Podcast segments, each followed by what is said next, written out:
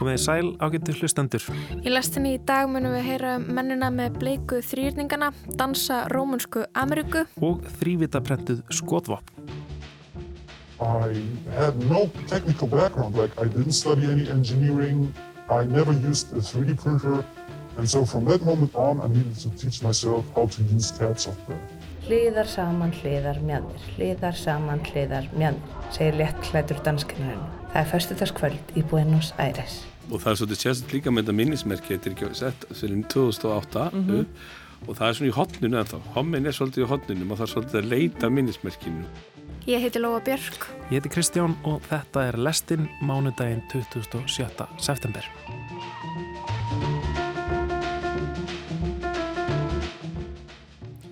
Við ætlum að byrja þáttin í dag á því að kynna okkur sögu þrývítarprentara skotvopna sem hafa verið nokkuð í umræðinni hér á landi eftir að lögregla handtók menn sem hafðu smíðað uh, slíka bissur og eru sæðir hafa alltaf fremja með þeim hriðjuverk. Ég sökti mér von í þetta mál núna í dag, það er að segja sögu þrývítarprentara skotvopna. Þetta er svona kanínuhóla á netinu og maður fer dýbra og dýbra á eitthvað svona svolítið myrka staði um, en ég ætla að segja frá því sem að um, ég komst að.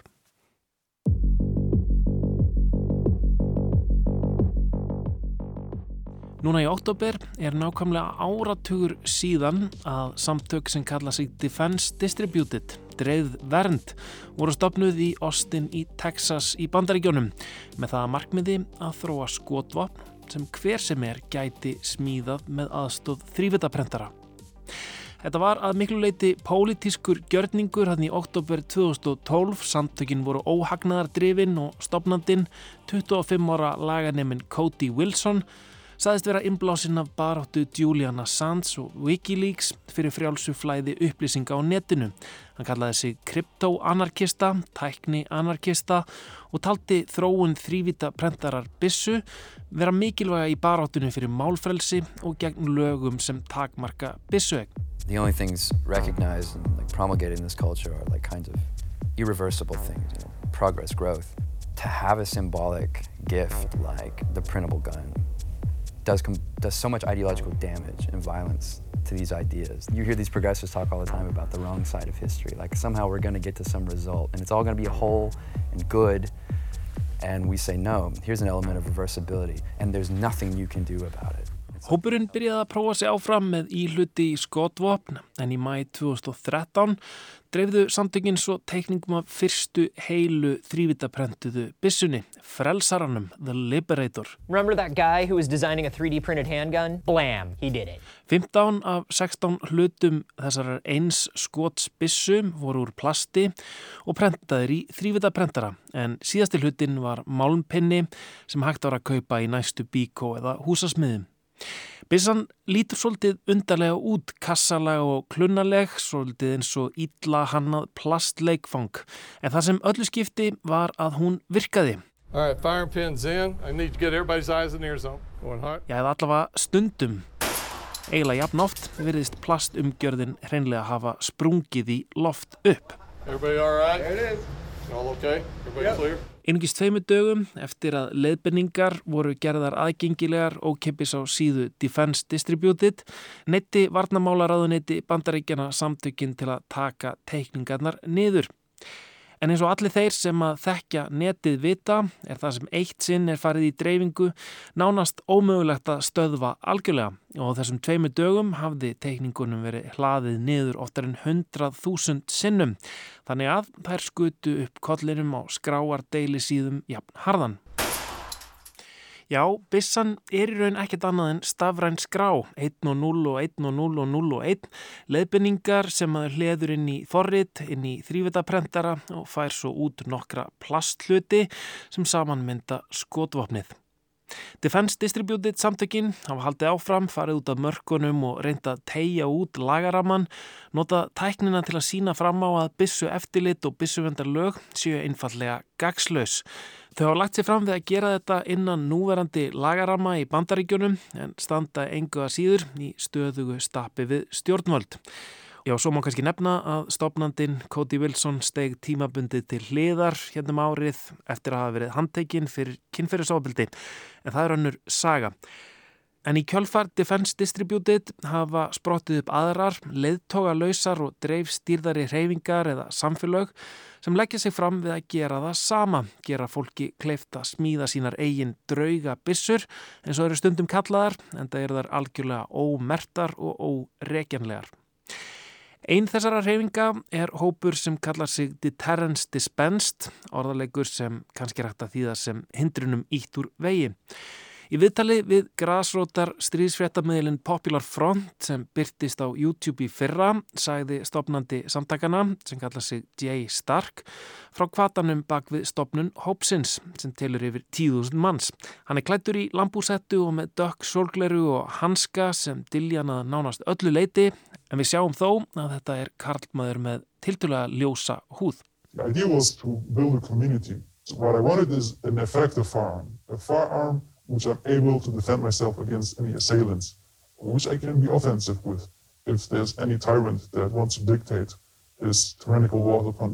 Stark segist ekki að hafa haft neina verkfræði þekkingu áður en hann byrjaði. Hann hafi prófað sig áfram og lært með hjálp YouTube og internetins.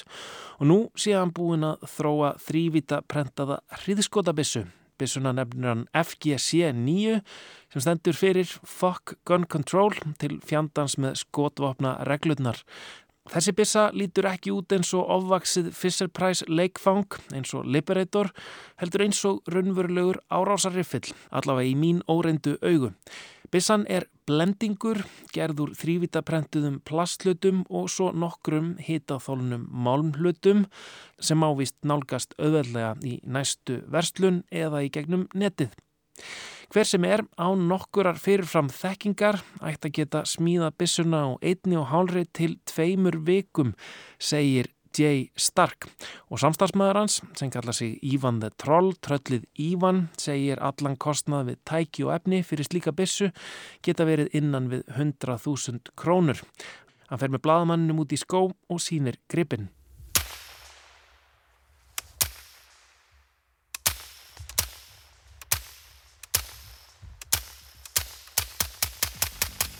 Líklega eru gæðin ekki alveg þau sömu og hjá gamal reyndum bissuframleðendum í Ameríkunni en þetta virðist virka, allavega virkar þetta nógu hættulegt.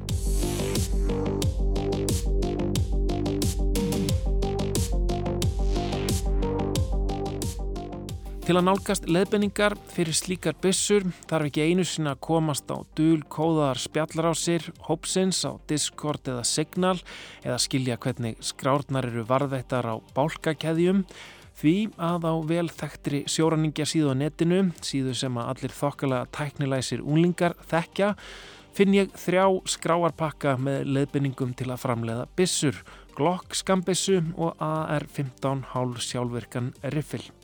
Þessi þrýr pakkar eru samanlagt um 2 gigabæt, allir það sé ekki eins og ein bíómynd í þokkalegum gæðum.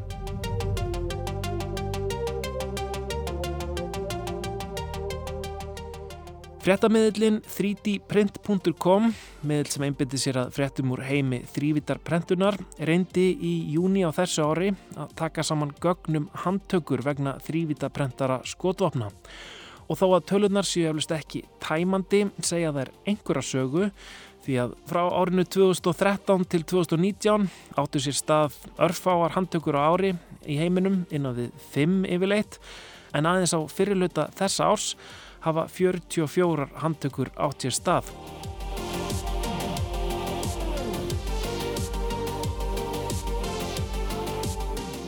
Þíski bissuaktivistinn Jay Stark segist ekki vera hrifin af öfgamönnum á borði rasista útlendingahattara eða íslamska bókstafstrúamenn en það verist þó ekki trublan mikið að slíkir aðeilar geti auðveldlega tekið þátt og notfært sér tæknina í sín ofbeldisverk. Pólitík er í raun bönnuð á spjallborðum hópsins. Það sem er aðalatrið í hans söga er að einstaklingar geti varið sjálfa sig og mál frelsi sitt gagvart yfirvöldum. We kind of don't like extremists because they usually start a fierce conversation, a debate. We don't like that. We don't like to. We actually like to discuss uh, actual designing firearms, actually advancing the cause, actually focusing on the actual proper things and all of our politics. But in general, we do not like racists. We do not like uh, xenophobes. We just like people who just are for the cause of the right to bear arms and for freedom of speech. Og í viðtalinu er hann skýr með að hann sé frekar tilbúin að deyja fyrir málstæðin heldur hann að enda í fangaklefa. Og það virðist hafa gerst í fyrra. Að minnstakosti sagði þýska tímaritið Der Spiegel frá því að maður sem þau kalla Jakob D. 28 ára þjóðveri af kurdískum ættum hafi fundist látin í bíl fyrir utan heimili foreldra sinna í Hannover tveimu dögum eftir að lögregla gerði þrývita prentara, tölfur hans og síma upptæka. Og þetta var aðeins örskömmu eftir að Jay Stark þagnaði algjörlega í netimum.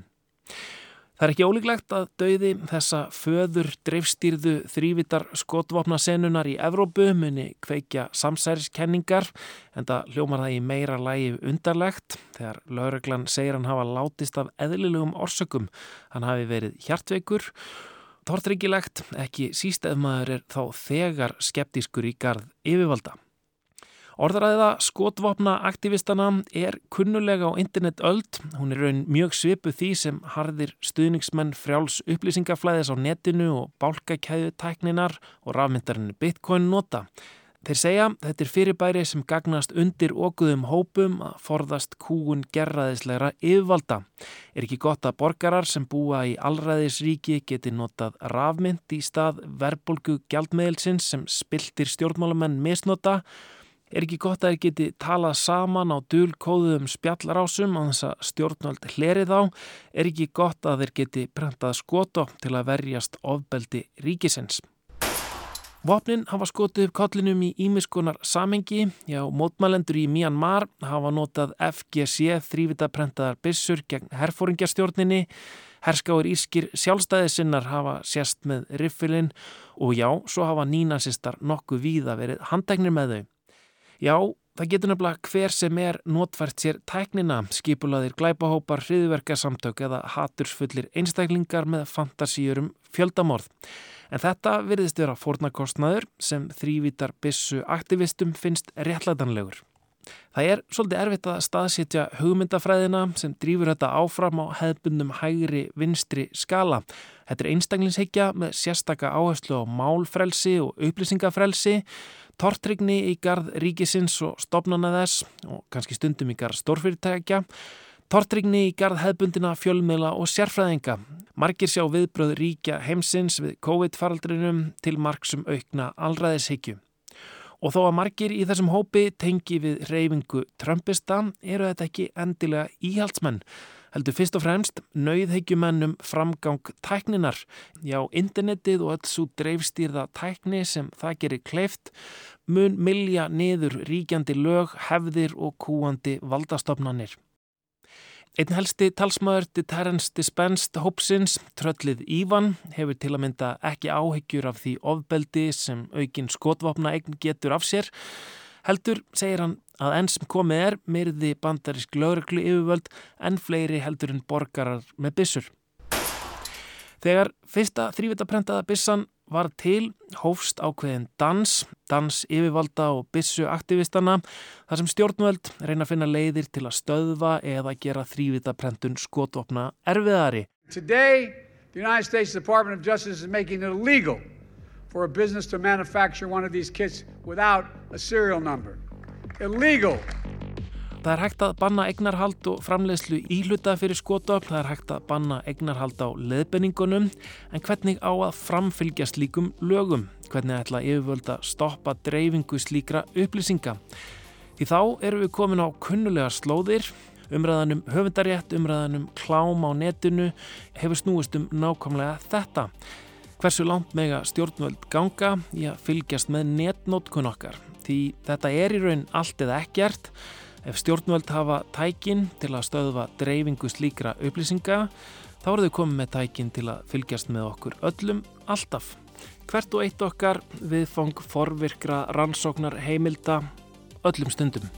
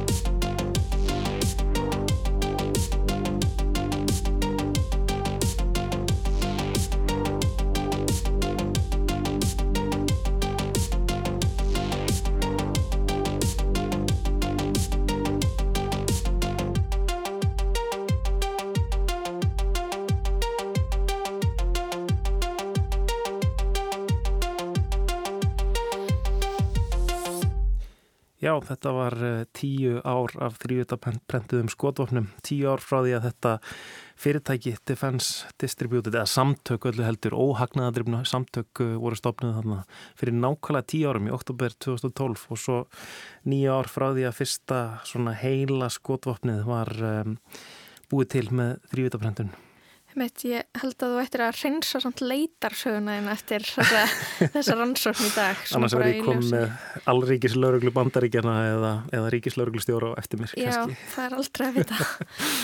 en þá að allt öðru, heiða Vigdís Sigfúrsdóttir, reillistanemi er stödd í skiptinámi í Buenos Aires. Hún er búin að vera að sanda okkur nokkra pislaðum lífið og menninguna þar en að þessu sinni reymur hún á sig dansskona.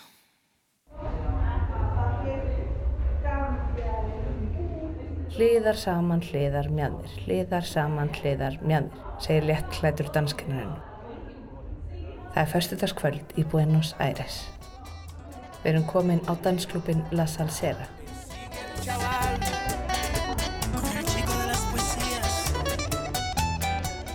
Nikkurinn í fjórðardaktinum er líkilinn, segir kennarinn. Mjadminnar eru sálinn í Barchata.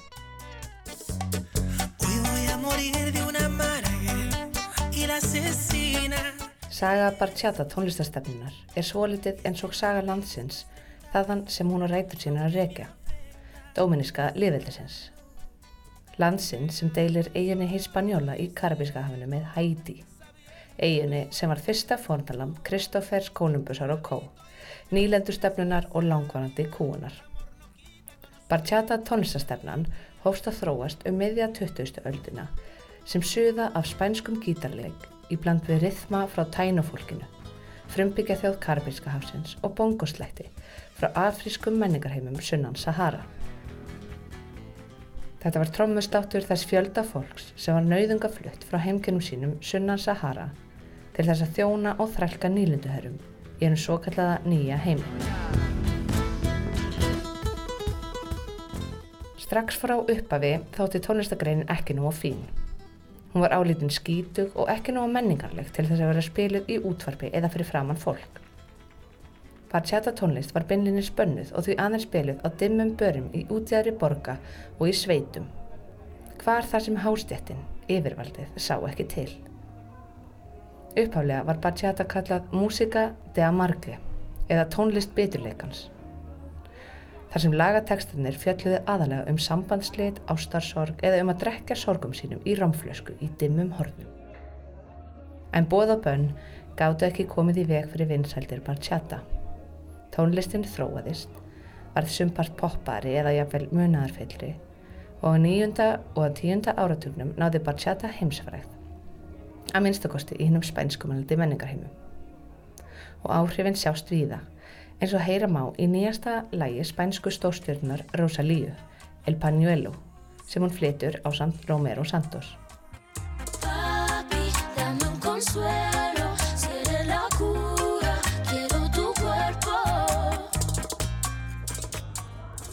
Reyfingin hefst í líkamannum miðjum. Takturinn mýkir hvert spór. Í hitanum, í rakanum á dansskólinu á La Salsera.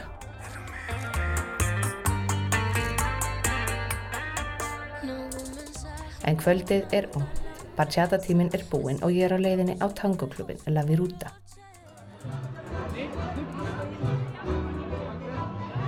Danskinnarnir eru tveir.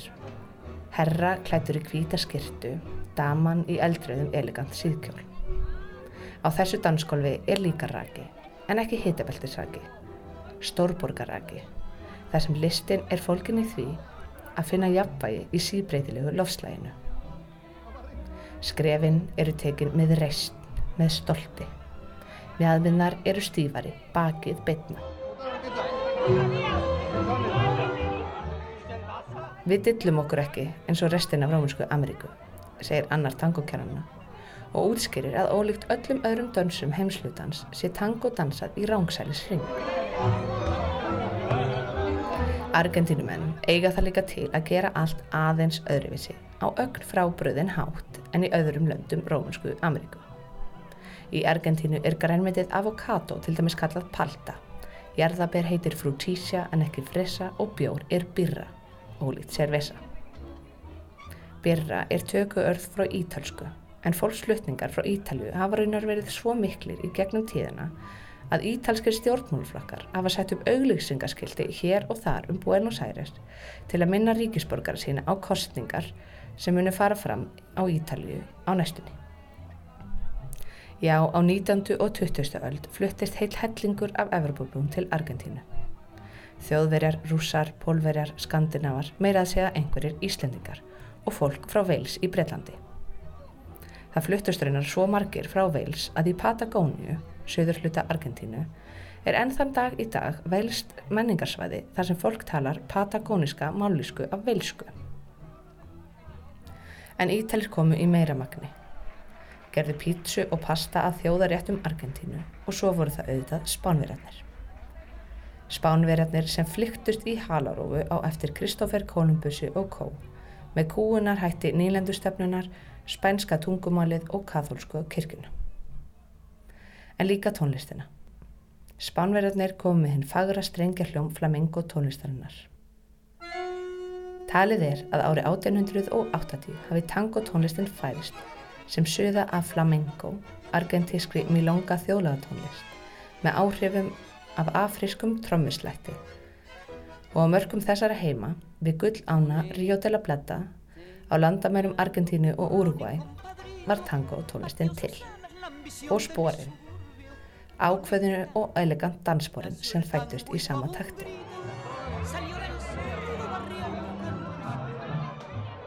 Áfram hliðar saman, aftur, krossa, aftur, hliðar saman. Einn, tveir bein í baki, þrýr, slag og aukslum, fimm, hliðakross, aftur, hliðar, saman. Munað anda. Hakan upp, skrefin þungan, lipur, augun áfram.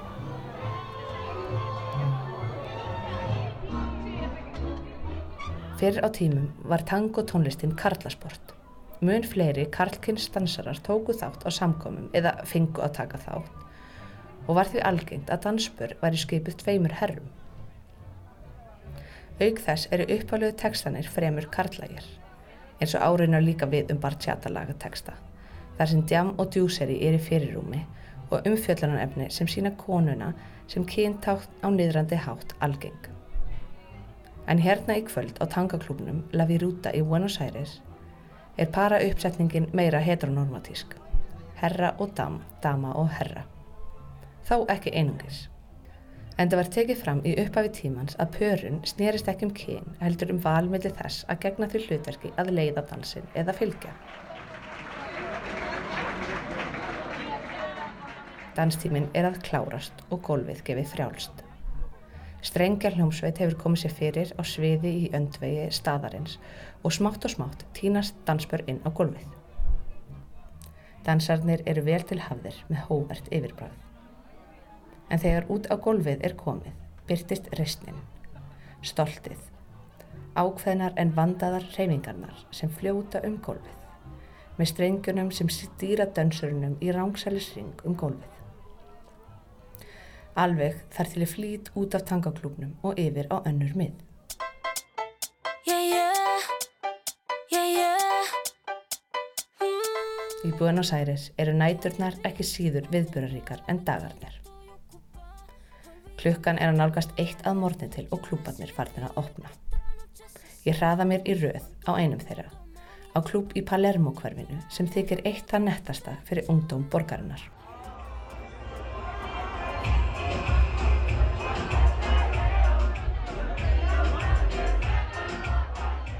Á þessu dansgólfi er glæsileikin öðruvissi, reysnin annarskonar og rakin eins og í empaði.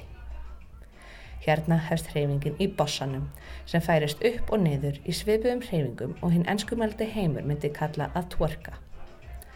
En hérna heitir þetta perrear sem kemur frá orðinu perra, tík og mætti því kannski þýða á íslensku sem að tíkast. Við erum komin inn í megin ströyma Rómansku Ameríku, reggaeton tónlistina sem hefur karabískar rætur rétt eins og bachata. Reggaeton var til í Puerto Rico á nýjunda áratug 20. aldarinnar sem bræðingur af reggae, hip-hopi, dancehall, bomba og öllum þeim tónum sem liðkað gáttu mjöðminnar. Í dag er reggaeton ríkjandi klúbatónlist í Rómunsku Ameríku og jafnvel þótt viðar verið leitað. Dansinn sem stefninu fylgir gerði uppaflega ráð fyrir því að daman tíkaðist, tvörkaði með nýjan beigð þannig að bossinn ferðaðist upp og niður um framanvert mittið á herranum. Á herranum sem stóð uppréttur fyrir aftan dömuna með höfiðið örlitið herra. Lengi vel og ennþann dag í dag fjalla flestir lagatekstar tónlistastefnunar um karlmenn sem hafa ótilendi eldheitar skvísur í takinu sem þeir koma, já, misvel fram við. Muchas novias, hoy tengo a una, mañana a otra. Me las voy a llevar a todas pa' un VIP. Tekstarnir fjalla líka eða aðalega um djúpa lungun til kynlífs eins og í þekktasta reggaetonlagi allra tíma. Despacito með Luis Fonsi og Daddy Yankee sem síðar var endurgert með Dustin Bieber. En hérna, inn á þessum klúb í Palermo í Buenos Aires, dansar fólk nákvæmlega eins og það vill. Bossar reyfast, mjadmir, nikkast, axlir, hristast, allt og ekkert. Hver fyrir sig. Dömunar eru ekki lengur skildaðar til að beigja hnýjan til þess að herran geti staðið með höfuðið herra. Þó svo að það sé oft gert ráð fyrir því. Já, og margar af stærstu stjórnum reggitónstefnunar í dag eru líka konur. Lokastefið er enn óljóst, þetta förstutaskvöld í Buenos Aires. Tónlistin færir okkur hvert sem við viljum. Mikið reyfinganar, í hitanum, í rakanum, í ísköldum bóla, í rauðri viðvörun. Leifum dansinum að duna, eins lengi og hann leifir. No tengo pena, estoy con la fefa, ella es la jefa, ella lo baila, ella me enseña, hoy no trabaja, está morena, fuck la fama, fuck la faena, la noche es larga, la noche está buena, mambo violento y fin del problema, mira que fácil te lo voy a decir, ABC, one, two, three, mira que fácil te lo voy a decir, que estamos tu mami ya no está para ti, mira que fácil te lo voy a decir, ABC, one, two, three, mira que fácil te lo voy a decir, que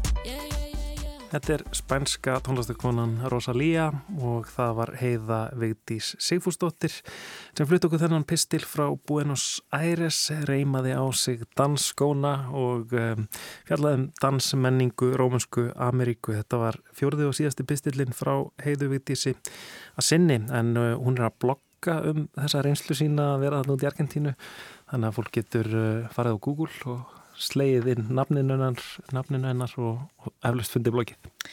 Já, eflaust margt skemmtilegt að finna þar en næsta dagskrá í lestinni er bók. Við ætlum að snú okkur að bók sem kom út árið 1972 og segir sögu eins fanga í fangabúðum nazista sem hafði framið þann glæpa vera samkynniður.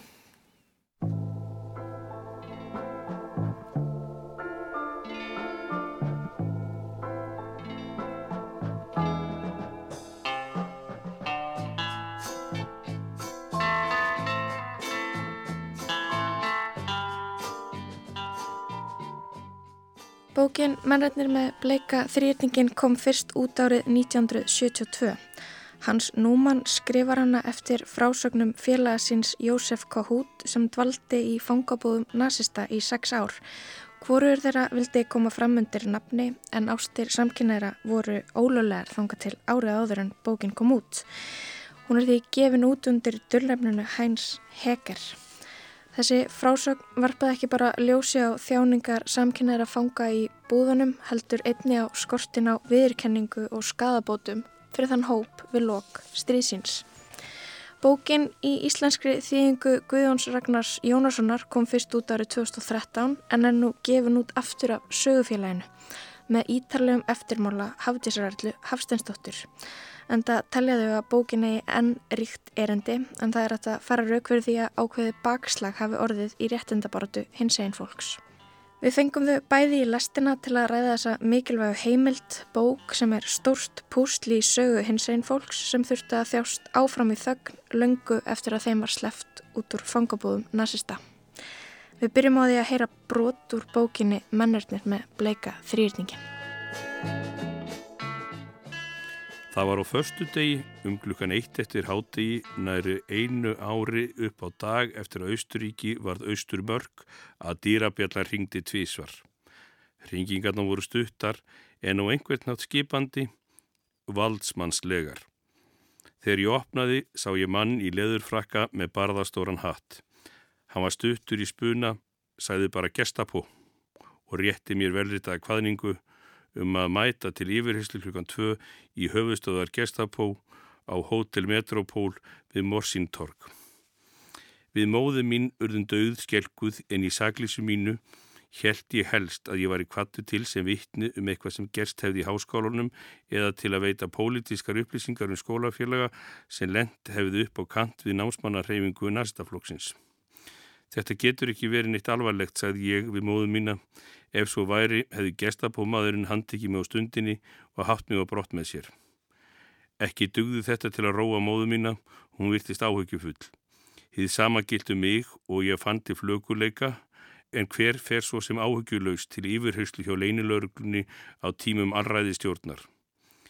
Fyrir tilviljun var mér lítið út um gluggan og sá þá gestapómaninn standa fyrir fram að búðaglugga neðar í götunni svo virtið sem hann gæfi vörunum í glugganum lítinn gaum. Aðtegli hans beintist að útidýrunum hjá okkur. Sennilegast átti hann að hindra hugsanlega flótaminn og öruglega myndi hann elda mig að morsintorki. Mér leist satt að segja ekki á blíkuna, óræður ótti alltók mig og ég skinjaði sterkt yfirvofandi ógn. Móðu minni hlítur að hafa liði eins og mér því að þegar ég kvatti hana til að hlýða kalli gestabó tók hún þéttingsfast utanum mig og endur tók í sífellu farðu varlega barn, farðu varlega. Hvorugt okkar grunaði að við myndum ekki hittast og faðmast fyrir hana sex áru liðnum, ég algett flag, móðum mín niðurbrotin kona sem í sex ár hafði óttast um líf sonar síns. Hún var líka að þóla svíverðingar og fyrirlitningu nákvæmn okkar og samlanda því að bráðlega var það allt talað að sonur hennar væri hommi og hefði verið sendur í fangabúðir. Hjá mér sitja þau Guðjón Ragnar Jónasson, þýðandi bókarinnar Mennirnir með bleika þrýrningin, kennari og reythöfundur og Hafdís Erla Hafsteinsdóttir sem sáum að reyta eftirmála bókarinnar, hún doktorsnemi í hinsegin sagfræði. Takk ykkur kærlega fyrir komuna í lastina. Takk fyrir að hafa okkur. Takk. Kanski langar með að byrja því að spyrja ykkur hverjir eru mennirnir með bleika þrýrningin? Þetta er saga homana í setni heimstyrjöldinni. Þeir voru þurft að bera bleikan þrýhyrning í fangabúðu nazista og voru lægstir í flokkuna kerfi búðana og þessi saga lýsir alveg gríðalegri grimd og hörku. Og þetta er saga sem ég tel að ég erindi til nútímans sérstaklega í dag þegar að bakslag hefur orðið réttindabaróttu hins eginn fólus og kveikjana því að við ákvaðum að endurútgefa bókinu núna var að sögufélagið vildi sinna þessum vinkli og ákvað því að endurútgefa þessa bók. Árið 2010 var ég eigrandum Berlínaborg, var ég að kenna og ég fór alltaf, bí alltaf í Berlín og sömurinn fer alltaf leið og kennslu líkur bara út og, og ég fór inn í hins eginn bókabúðina í Sjöneberg og fann þessa bók. Ég var að leita með bara ykkur efnu og svo fór ég á næsta kaffehús. Þessi bók held mér algjörlega ég hugsa mér, þessi bók á erindi til samtímas ég fór að ræða við svona ímsa aðila og þeir svo já, þetta er nú erfitt að selja þetta þetta gengur ekkit upp. En svo seldist bara þessi bóku upp þegar við gáum hann út á vegum sæmundar fyrir 2013 og við þurfum, þurftum þessa bók aftur Í formúla höfundar segir að eftir röm uppreysnina sem við þekkjum líka sem nótt hennar lungu nýfa hafi þýska nazistastjórnin hert á laga ákvaðum gegn samkynnið. Við gildandi refsjákvæði var bætt við lagagrein 175a og þar með örðu dómar umtalsvert þingri en týðkast hafði fram að því. Þannig að það þarf ekki einu sunni að standa fólk að verki, það dögir uh, grunur um ásetning sem þýðir þá augnatillit, uh, að vera standa kannski á raungum stað eða vera aðeins of, of náinn og, og fleira. Og þá er farið að ganga eftir því að rauninni leysa upp uh, samfélagssamkynnar kallmannam og dæma þá á grundvelli þessar lagreinar til fangabúðavistar. Og þar sem þeir rauninni voru mertir með þessum bleika þrýðningi eins og Guðjón myndist á áðan. Mm. og voru þá dæmdir í rauninni þá sem bara kynferðiskleipamenn og í búðunum þá var ákveði stígveldi og þar voru þeir í rauninni alveg þarna lægstir. Í hugmyndafræði nazismans var rými fyrir ástir á milli karlmanna. Í karlmennsku dýrkunni þar sem konur voru ekki jafningar karlmanna. Þá tróndu ástir karla á toppnum, segir Hafdísarla og með ákveðni hugarleikfumi var því hægt að réttlæta samkynnið þó að hún væri af sama fólki talin afbreyðileg og réttlæta fangavist og ofsóknir. Við sjáum þetta til dæmis uh, með Ernst Röhm og Röhm uppreysnina uh, og lóktinn á löngu nýfa. Ernst Röhm var uh, einn nánasti samstagsmar Hitler, hann var yfir SA-sveitunum og hann var ofnbörlega samkynnaður. Og hérna síðan var hann og, og hans nánustu samstagsmenn, þeir voru allir hreinsaði burt árið 1934 og það var í rauninni hafði þannig séð ekkert með eða lítið með samkynniður um að gera. Þetta hefði meira með að gera, hann var bara mjög valda mikill hann var til dæmis svo eini eða Sagan segir að hann hafi verið svo eini sem var dús við Hitler og kallaði hann Adolf. Og hérna en eftir þetta að þá í rauninni er uh, samkynni hann svolítið nótuð sem ástæða til þess að þarna var bara verið að koma upp um eitthvað svona leinirring homma og hérna og eftir það er lagagrein 175 hert til muna. Mm -hmm. þannig að í rauninni þetta er svo áhugavert þessi svona þessi þessakna kenda kynjapolítik þannig að þú er komið svona ofsalega öfgakenda karlmennsku dískun og, og stigveldi það sem að ákveðin gerða karlmennum, karlmennum er á óumdeilarlega á toppnum.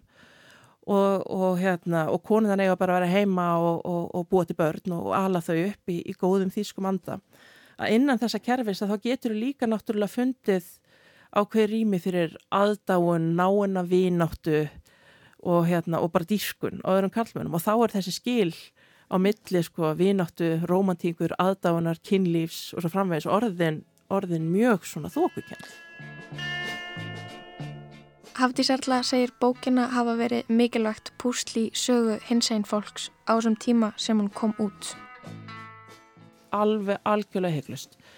Hún er líka svona staðfesting kannski á því sem var svolítið, ég segi ekki búið að pískra um, en var svona, svona lág í loftinu. Hafði, mm. Þetta var vitað að það var kannski enginn búin að stíga fram og segja svona skilmerkilega, vegna þess að hann er ofsalega svona skýr, hún er með mikið mun að vera tekin alvarlega, bókin er svona alltaf því skýslukend á köplum hann passa sig að þetta ekki of mikið hann er ekki mikið tilvistalegum spurningum eða þetta er ekki með tilfinningar í bók tekstin, þó hún sé það. Það eru mikla stóra tilfinningar á bakvið en það er kannski, eru ekki svo mikið á yfirborðin í tekstan og hann, hann er svo óbúslega mikið mun á að segja satt og rétt frá, skýra frá hlutunum og nákvæmlega eins og það gerðust eins og hann uppliða en þetta var alveg óbúslega mikilvæg bók Hafdís Erla segir bókina hafa komið út á þessum tíma þegar að hins einn fólk var farið að bindast ofinbjörgum samtökum og farið að starfa með sínileikana vopni. Það skipti þau máli að koma út úr skápnum og burðast ekki um með það í skömm. Það sé hluti af réttindabarátunni.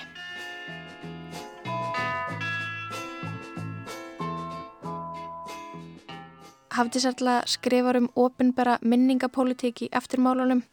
Það er ekki fyrir en árið 2008 þar sem minnismerki er reist um mennina með bleika þrýrningin og þar með verður þeir hluti af ofinberi minningarpolítík Þýskalands.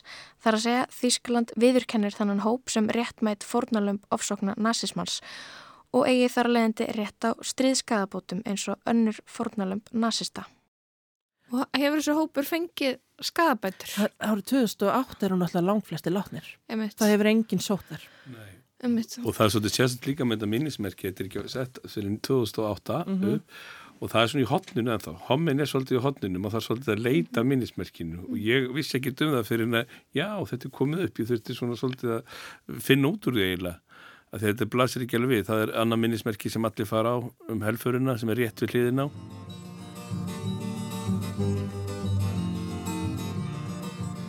En eiginlegi sögumæður bókarinnar hétt fullir nafni Jósef Kahút og fættist í Vínarborg 1915. Sögu hans hljóðrutaði Hans Núman á segulbandstæki í 15 lótum á árunum 1965 til 67. Guðjón talar um að samfélagi hefði ekki verið tilbúið til að gera upp nazismann í bókmæntum fyrir en á þessum tíma sem bókin kom út fyrst og þegar hann fór sjálfur að tala um að þýða og gefa út bókina á Íslandi hafi margir efast um að þetta væri eitthvað sem vekti áhuga fólks en það nefndi hann að nú þegar er mun meiri áhugi á þessari sögu en þegar hún kom fyrst út árið 2013. Não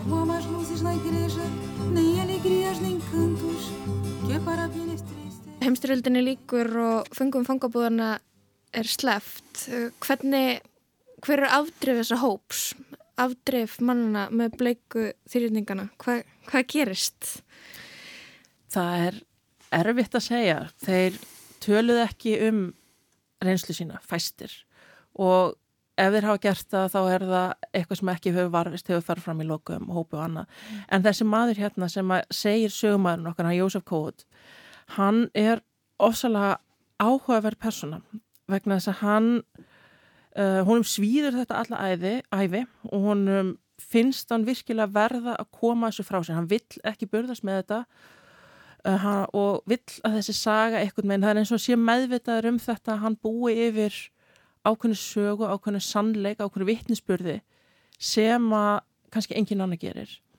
Hann er ekki mikill uh, svona, maður, maður hins ritaða orðs, þannig að hann fær uh, vinsinn sem var það nú svo sem ekki heldur til þess að hérna, uh, skrifa bókina, hann tekur upp hérna, nokkur viðtöl. Og er það Hæns Hækar? Já, það er Hæns Hækar er henni dullnefni yfir mm. þennan félaga kóhuts mm. en þeir hann alltaf renna svolítið saman og margir halda að Hæns Hækar sé sögumadurinn mm. þó að svo sé ekki Og það er út af því að á þessum tíma sem bókjum kemur út þá er alls ekki í lægi að vera samkynniður í, í Þýrskalandi eða?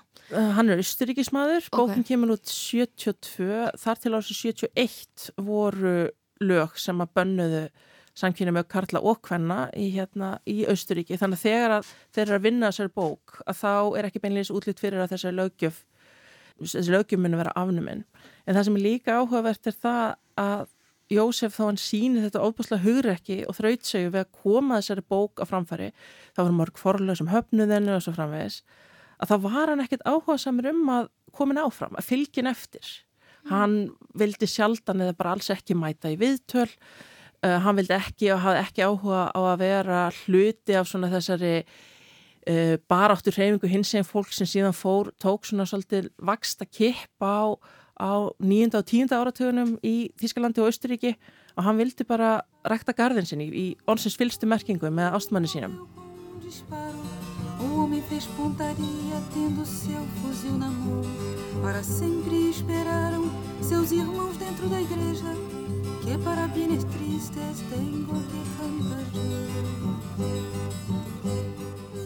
Hvaða erindi á þessi saga við okkur í dag um, halfarar bókmyndir og, og, og hins eginn saga. Sko við skulum hafa að huga að helförinn var lítið til umræðu fyrir komið fram til 1970 helfarar bókmyndir bara heimur var ekki tilbúin í þær. Og ég finnst einhvern veginn að það er ekki fyrir nettu 2000 sem veröldin er tilbúin til að heyra söguna sögum mannana með bleika þrýrýtingin því að svo saga er frásögna mannleiri grimt og niðurlægingu Þetta er líka saga um mannlegt þrek og þólkæði og skráða brennandi, er svona, það er okkur þörf sem er svona innra með mér til að miðla reynslu sem heimurinn vildi ekkit vita af. Það, svolítið, það er það sem svona vakið svolítið fyrir mér, vakti fyrir mér þegar ég þýtti þessa bók og fekk fleiri til sem unnum með mér aðstöðum með verkið, ekki maður glemma því. Þessi saga á virkilega erindi til okkar í dag og hins eginn saga og fræðsla um hins hins egin líf og hins egin baráttu skiptir rosalega miklu máli við þurfum að halda þessari sögu á lofti og þess, þessi bók er mitt framlag og okkar framlag til þess að, til þess að eitna, koma því til leiðar að við munum sjá meira rými fyrir þennan þáttina skólakerfisins. Bleiki þrýrningurinn að lokum hafðis, bleiki þrýrningurinn orði, orðina, alð, lungu orðina alþjóðlu tákni baróttu hinsegin fólks. Um, getur þú sagt mér aðeins hvenar, hvenar er byrjað að nota bleika þrýrningin á þann hátt? Mér finnst þetta svo heillandi í rauninni. Þetta er ókveikjandi og heillandi og sínir rauninni, já, þetta er svo margslungið og þjættriði net. Uh, mér finnst svo áhugað þegar ég fór að skoða þessa bóka hans aftur núna, fór ég að skoða sko hvar, hvar sjáum við bleika þrýrningin í dag og ég dætt strax inn á myndband Lady Gaga við Born This Way sem er kannski ekki nýlegt lag en það, það, það myndband byrjar í rauninni á það er svona bleiki þrýningar sem koma hverjan í annan og það er glimmer baðaður einhyrningur þarna, þetta er allt voðalega bara verðt eins og það ert og, og, og, og annað og ég hugsaði með mér bara vá hvað hann er búin að fara langt þessi, þessi þrýningur frá því að, að vera sko nánast döiðadómur táknum mannlega niðurlægingu, fangelsun, kerfispundna útrýmingu og allt þetta sem er bara óbúslega erfitt og vond að hugsa um yfir í það að vera eitthvað sem svona superstjarnar eins og Lady Gaga er endalust að nota í sínum táknæmi og fleiri og fleiri.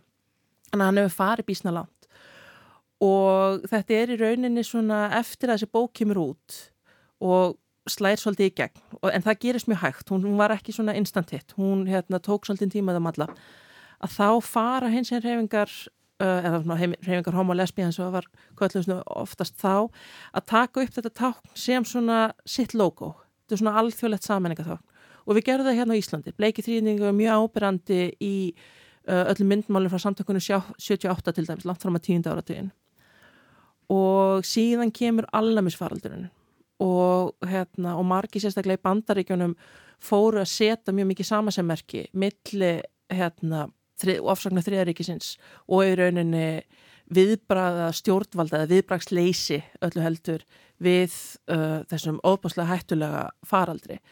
Og þá nota þau þennan þrýhittning svona svolítið til þess að búa til þessa sögulega tengingu en það sem þau gera er að þau snúanum upp, snúanum við, gera hann hins einn bókstallega, þannig að vísar upp og það uh, en að vísa þess að niður á, á, á hérna uh, fengunum og þessi, þessi, þessi viðsnúningur, hann var svolítið tákgrænd og átt að tákna rauninni sigurvilja. Og það komast áfram og, og hérna og, og sigrast á þessu. Og svo nótkunni er í rauninni en svona svo algengasta í dag. Og við sjáum þetta til dæmis hérna á Íslandi er uh, ferðarskriðstofan Pink Iceland sem notar einmitt bleika þrýðningin og er búin að umbreytunum í, í svona fjálstopp og það er bara mjög meðvituð skýrskotun uh, í söguna og líka í það að, að gera hana segutakni og mér finnst þetta eiginlega svona mér finnst þetta mjög enginandi svolítið fyrir hins er reyfinguna við höfum verið bísna góði þessu að taka eitthvað sem var einu sinni notað til að niðurlæga og jaðasetja og eign okkur það og gera það eitthvað sem að saminar og valdeflir. Samanber bara hvernig við notum orði hins einn í dag. Þannig að hérna en síðan náttúrulega hefur hann svona aðeins uh, svona runnið í bakgrunin en það er hann kannski ekki heppilegast að saminningatáknið vegna þess að hann náttúrulega vísar í kerfisbundna útrýmingu, þjáningu, dauða og svo framvegið sem er kannski ekki eitthvað sem að allir vilja alla daga alltaf vera að hugsa um, kenna sig við og svo framvegis. Þannig að það er að leita regnbófánin miklu kannski svona þægilegur og hendur að tákn. En það stendur hann fyrir svona bóðskapurinn hans fjölbreytileiki og annað svona aðeins gleðilegur og, og mörguleiti henduri en en bleiki þrýtningun er aldrei ekkert farin úr táknheimi hins eða fólk svo það mun aldrei gera það. Takk ykkur báðum kærlega fyrir komuna í lestina Guðjón og Hafdís Erla. Takk fyrir okkur. You don't own me. I'm not just one of your many toys. You don't own me. Don't say I can't go with other boys